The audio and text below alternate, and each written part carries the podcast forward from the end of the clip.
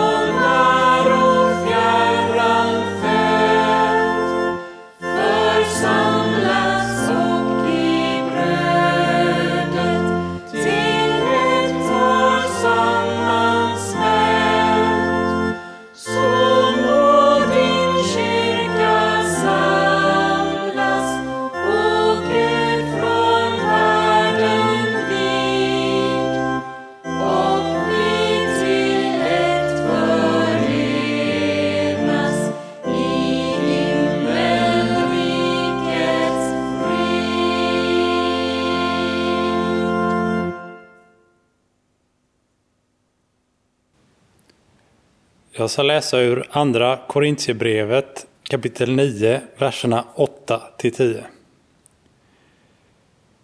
Gud förmår ge er allt gott i överflöd så att ni alltid har allt vad ni behöver och själva kan ge i överflöd till varje gott ändamål.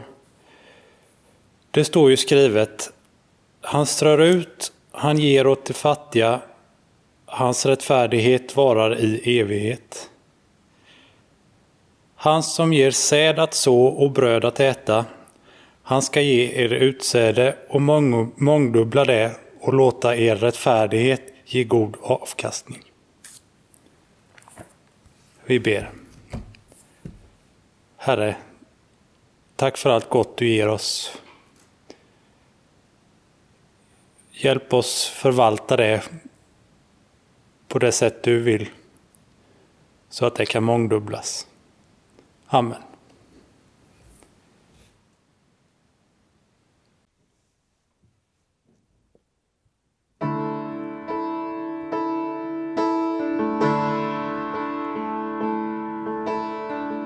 Mitt hopp är byggt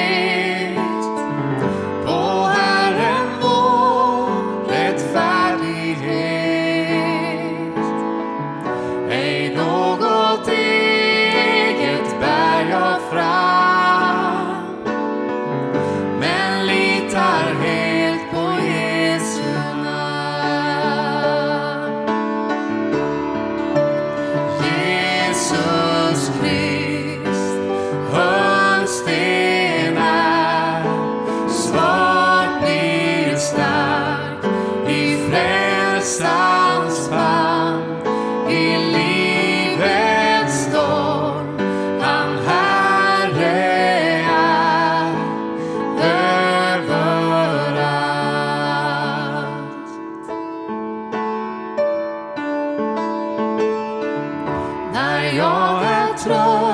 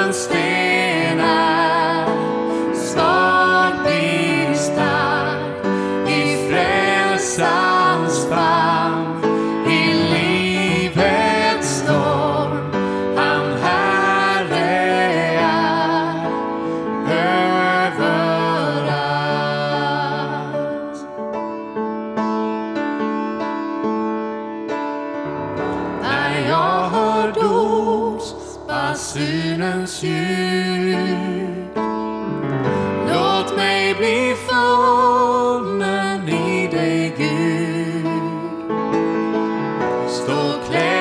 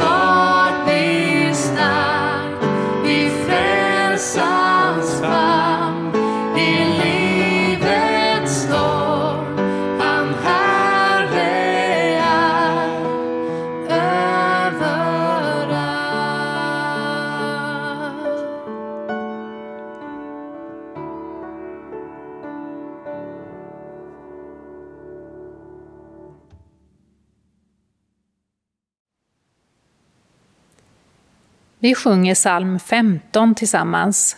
Halleluja, sjung om Jesus. Och vi sjunger tre verser. Därefter kommer Johanna att predika.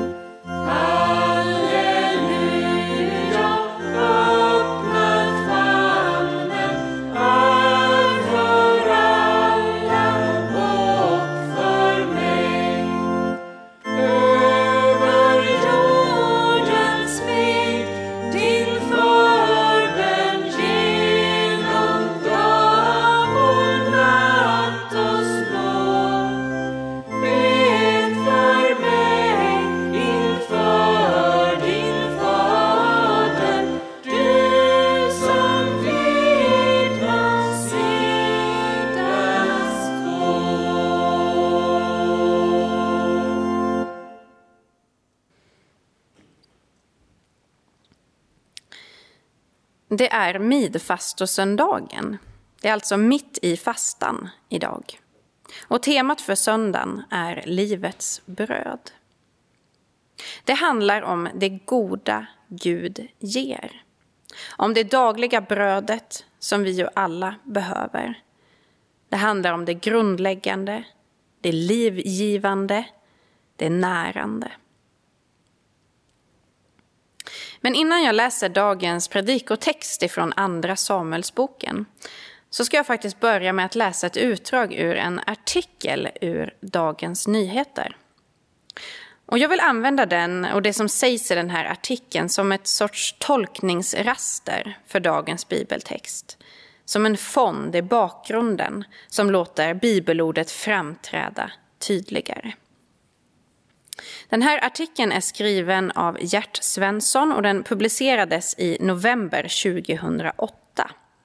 Och rubriken på den här artikeln är Gemenskap bekräftas med mat. Jag läser. Den gemensamma måltiden är en viktig social handling. Genom att äta tillsammans visar vi att vi är människor, säger måltidsforskaren Kristina Fjällström. Själv är hon väldigt förtjust i att bjuda goda vänner på middag. Ordet kompanjon och kompis härrör från latinets cum och pane. Någon man delar bröd tillsammans med alltså. Och begreppet familj har i många kulturer definierats som de som äter tillsammans. Mat och gemenskap hör alltså ihop.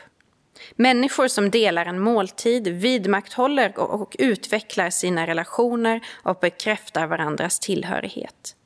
Så har det varit i alla tider, alla kulturer och samhällsklasser, förklarar Kristina Fjällström, etnolog och professor i måltidsforskning vid Uppsala universitet. Genom den delade måltiden konstruerar vi familjen och vänskapen igen och igen. Det finns ingen annan aktivitet som har samma enande kraft och som bär på samma starka symbolik om gemenskap. Och utan gemenskap förtvinar vi. Det är det här som händer åldringar som sitter i påtvingad isolering och petar i såsen i den mikrovärmda matlådan från hemtjänsten, tror hon. Måltiden har reducerats till ett intag av fysisk näring. Det sociala är helt borta och detta kan leda till depression och aptitlöshet. Livet blir meningslöst. Kristina Fjällström och hennes medarbetare planerar ett, lång, ett forskningsprojekt för att finna nya modeller att ge de äldre både smaklig, näringsrik mat och måltidsgemenskap. Välorganiserade matlag är en idé. En annan är att planera in trevliga kvarterskrogar i områden där många pensionärer bor. Vi människor äter mer om vi äter tillsammans. Det har måltidsforskarna visat. Allra mest äter vi om vi får sitta vid samma bord som våra vänner eller familjemedlemmar. Och det är den måltid som intas på kvällen som är allra viktigast för oss. Det är då vi tankar social näring och stämmer av med varandra vad som har hänt. En gång bad Kristina Fjällström 130 studenter att skriva ner sina bästa måltidsminnen. Och bara två beskrev en måltid intagen i ensamhet. Alla de övriga berättade om trevliga middagar hos mormor och morfar, bullriga grillfester med vänner eller svamputflykter som avslutades med att alla hjälptes åt att rensa svampen, laga maten och sedan äta den. Kristina Fjällström är sedan 1998 ledamot av Gastronomiska akademin, ett sällskap av prominenta matälskare där självaste kungen sitter vid tallrik nummer 17. Men det är ingen av de förstklassiga, middag, förstklassiga middagarna i detta sällskap hon väljer att nämna som sitt bästa måltidsminne. Nej, hon berättar om när hennes morfar serverade pannbiff på burk. Jag var liten och morfar lät mig och min storebror följa med på fisketur på sjön Mjövattnet utanför Boden. När vi kom tillbaka till stugan tände han eld i järnspisen och värmde de konserverade pannbiffarna som han sedan serverade på limpmacka. Morfar, sommaren, båten, värmen och tryggheten i stugan. Gemenskapen gjorde måltiden oförglömlig.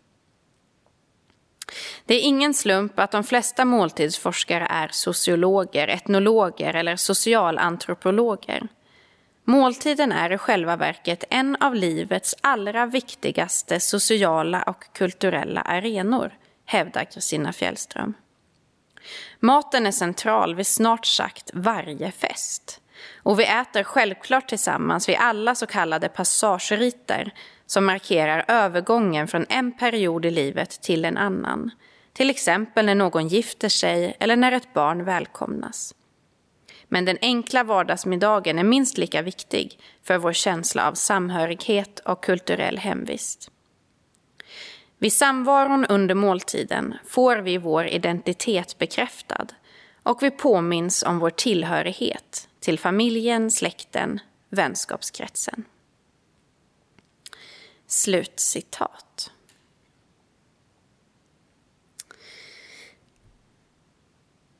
Ja, jag läste den här artikeln för många år sedan. Men den har följt med mig sedan dess. För det var någonting i det här allmängiltiga som talade till mig också om det mer partikulära. Det handlar om oss som människor. Det handlar om våra grundläggande behov som mänsklighet. Men samtidigt så talar det också så tydligt om det specifikt kristna. Om den kristna gemenskapens hemlighet. Och jag vill återkoppla några av meningarna i den här artikeln.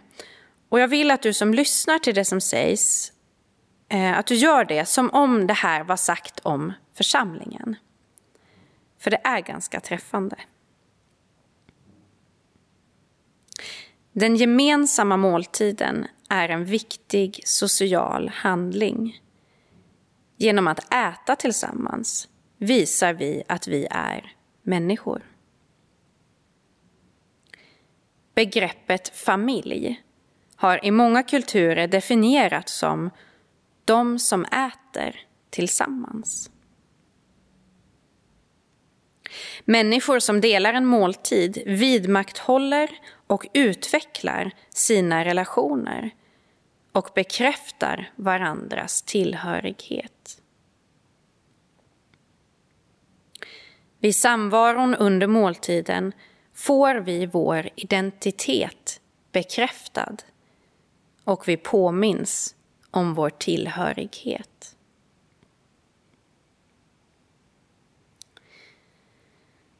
För mig blir det så tydligt i den här artikeln genom forskningen som har gjorts att Gud genom Jesus Kristus vill möta våra grundläggande behov som människor.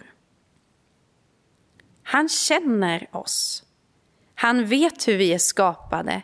Han vet vad vi behöver.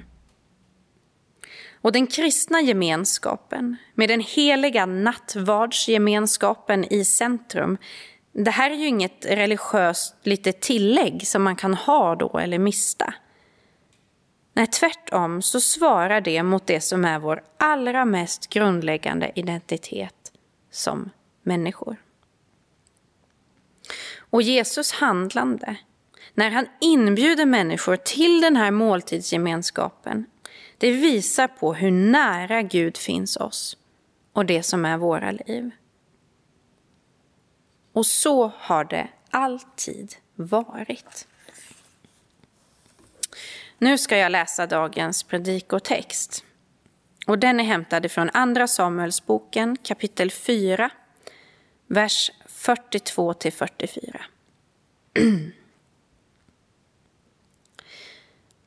En man kom från Baal Shalisha till gudsmannen med tjugo kornbröd bakade på det första av den nya skörden och med färska ax av sin gröda. Ge det åt männen att äta, sa Elisha. Men hans tjänare invände, skulle jag sätta fram det här åt hundra man. Ge det åt männen, upprepade Elisha. Ty så säger Herren, de ska äta och få över. Då satte han fram det, och de åt och fick över, så som Herren hade sagt.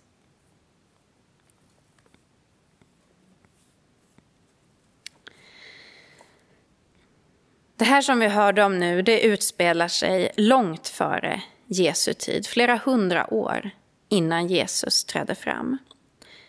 Men Guds omsorg om människan är densamme. Gud är densamme igår, idag och i evighet. Och från begynnelsen är han den som inbjuder oss att dela liv och dela bröd. Genom hela Bibeln, från Gamla testamentet genom Nya, så läser vi om hur Gud gång på gång söker människan för en djupare, närmare gemenskap. Han söker vägar att leda henne tillbaka in i den förening med sig själv som ju var tanken från början. Hans händer är ständigt utsträckta, tillvända. Han räcker dagligen människan livets bröd, inbjuder till vänskap och försoning med sig själv och med varandra. Och profeten Elisha, som vi möter i den här texten, han bildar på flera sätt en fond för Jesus kommande uppdrag. Elisha som likt Jesus själv plockar upp manteln efter en annan profet men själv blir större än den han efterträder. Elisha helar och botar. Han ser de marginaliserade. Han uppväcker döda. Han undervisar, han profeterar. Men han blir också förrådd av en av sina närmaste och ger genom sin död livet åt en annan. Elisha blir i sig själv ett bröd från himlen till den värld som Gud älskar. Genom att vara förmedlare ett redskap i Guds hand så blir hans liv ett bröd. Det blir en plats för måltidsgemenskap, som vi hörde om i texten. Måltidsgemenskap med Gud och med varandra. Men som både bibeltexten och den här artikeln visar så är det i första hand inte själva ätandet som förvandlar och förenar oss utan just ätandet i relation till delandet. Brödet som bryts, som delas och som mättar så många fler än vad man någonsin kunnat tro. Det är när vi äter det delade brödet, det är då som det händer något med oss. Men så ofta är vi bortvända. Vi är inåtvända. Vi förmår kanske inte ta emot det som räckes oss.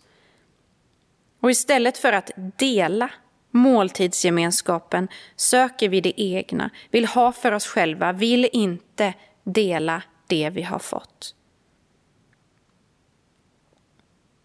Men som artikeln också pekar på så behöver vi den andres blick för att kunna bli till som människor.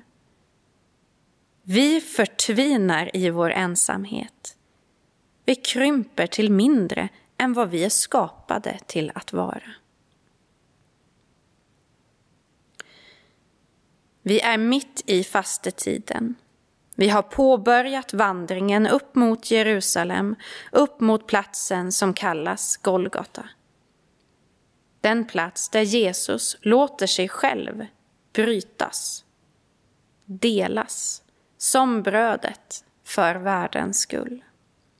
Ty så älskade Gud världen att han gav den sin enda son, livets bröd, det delade brödet, utgivet i syndares händer.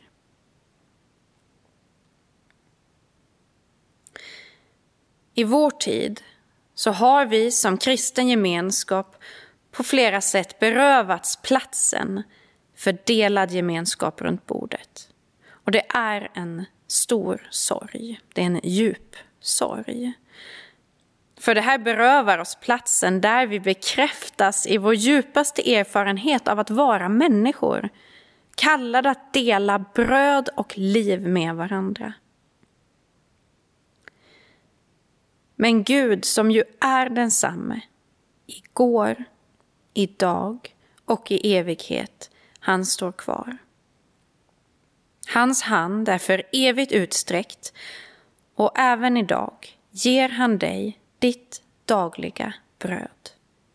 Livets bröd. Han inbjuder till gemenskap med honom själv. Och från den platsen, från det mötet kan vi sedan möta världen. För vi vet var vårt hem är. Vi vet vem vi tillhör. Detta får vi dela vidare.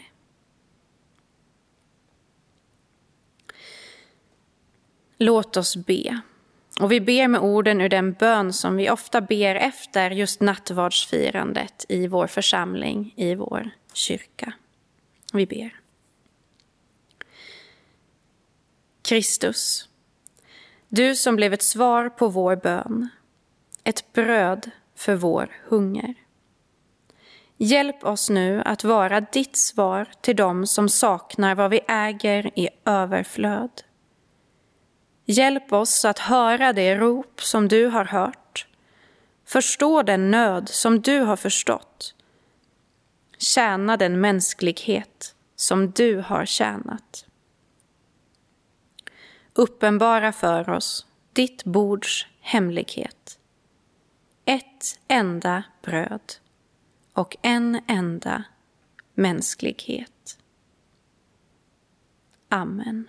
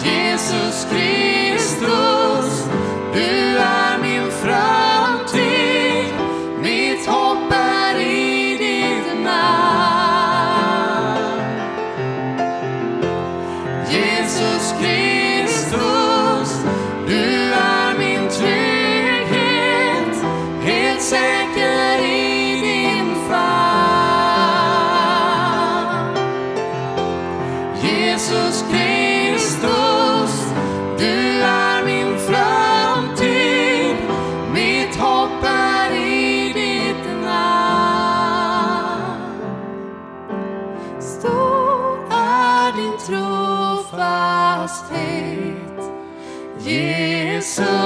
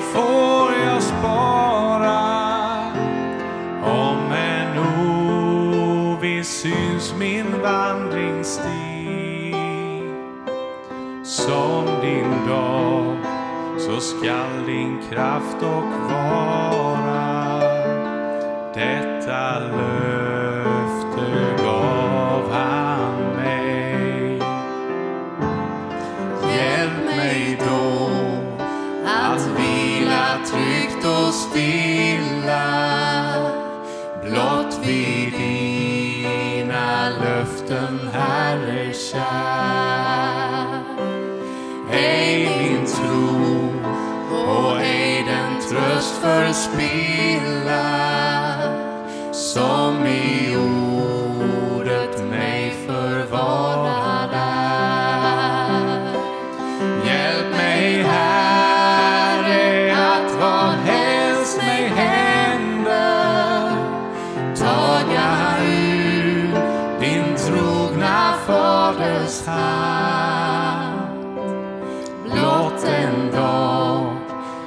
ögonblick i sänder tills jag nått det goda land.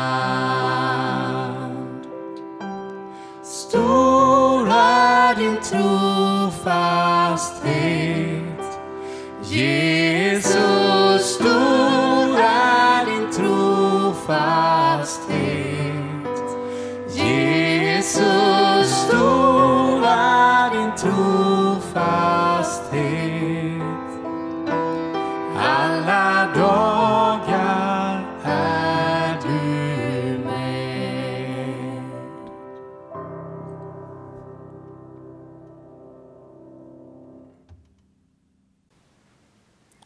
Idag är det insamling till pastors och diakonutbildningen och jag vill läsa en hälsning från vår kyrkoledare Lasse Svensson.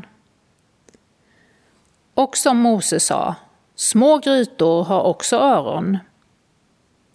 Med en bra utbildning blir det lättare att skilja på ett ordspråk och vad som faktiskt står i Bibeln. För att inte tala om det som också är viktigt, att kunna förmedla och förkunna Guds ord förstå omvärlden, fatta rätta beslut i svåra situationer och möta människor med olika bakgrund och i olika livssituationer.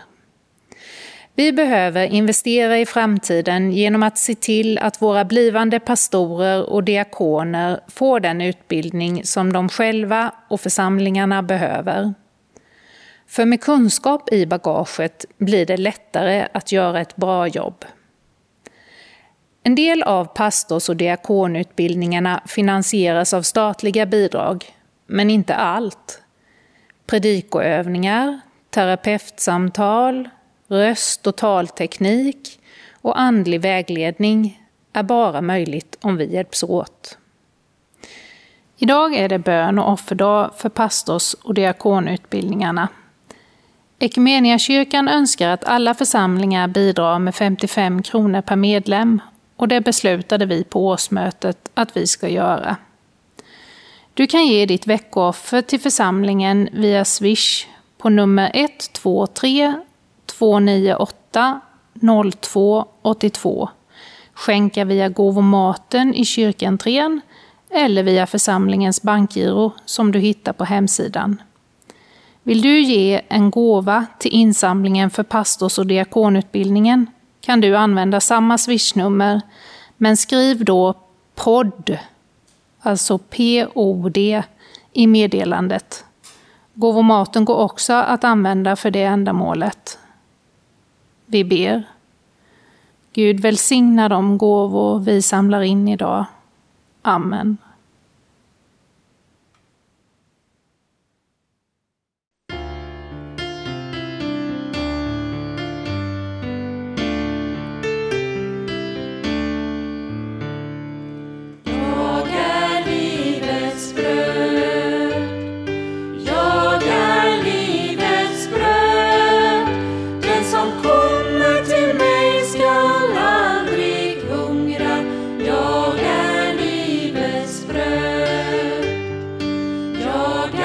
Är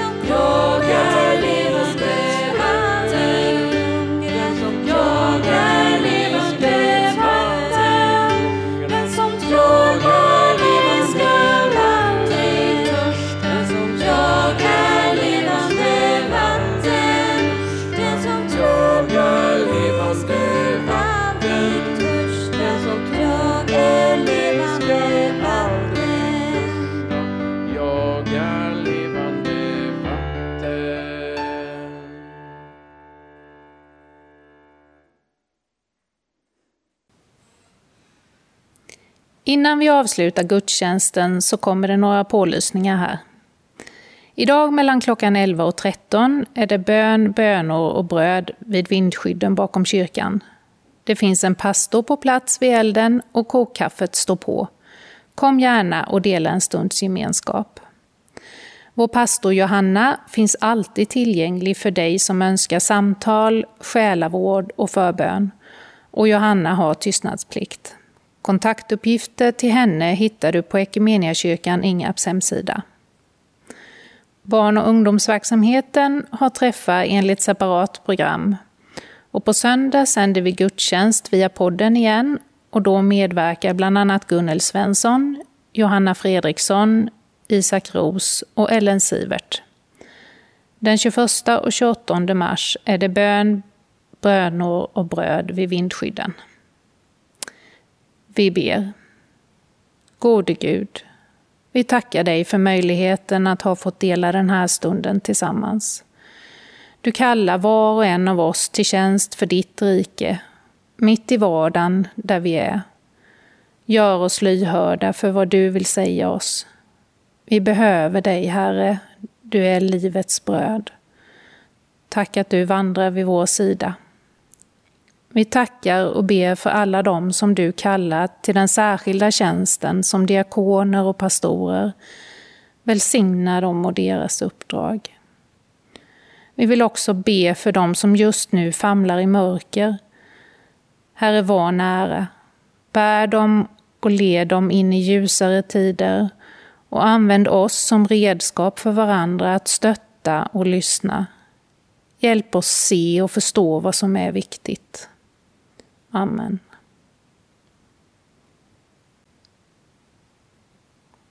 Tack till Sofie och David för fin sång. Och vi får höra lite mer av er innan Johanna avslutar gudstjänsten.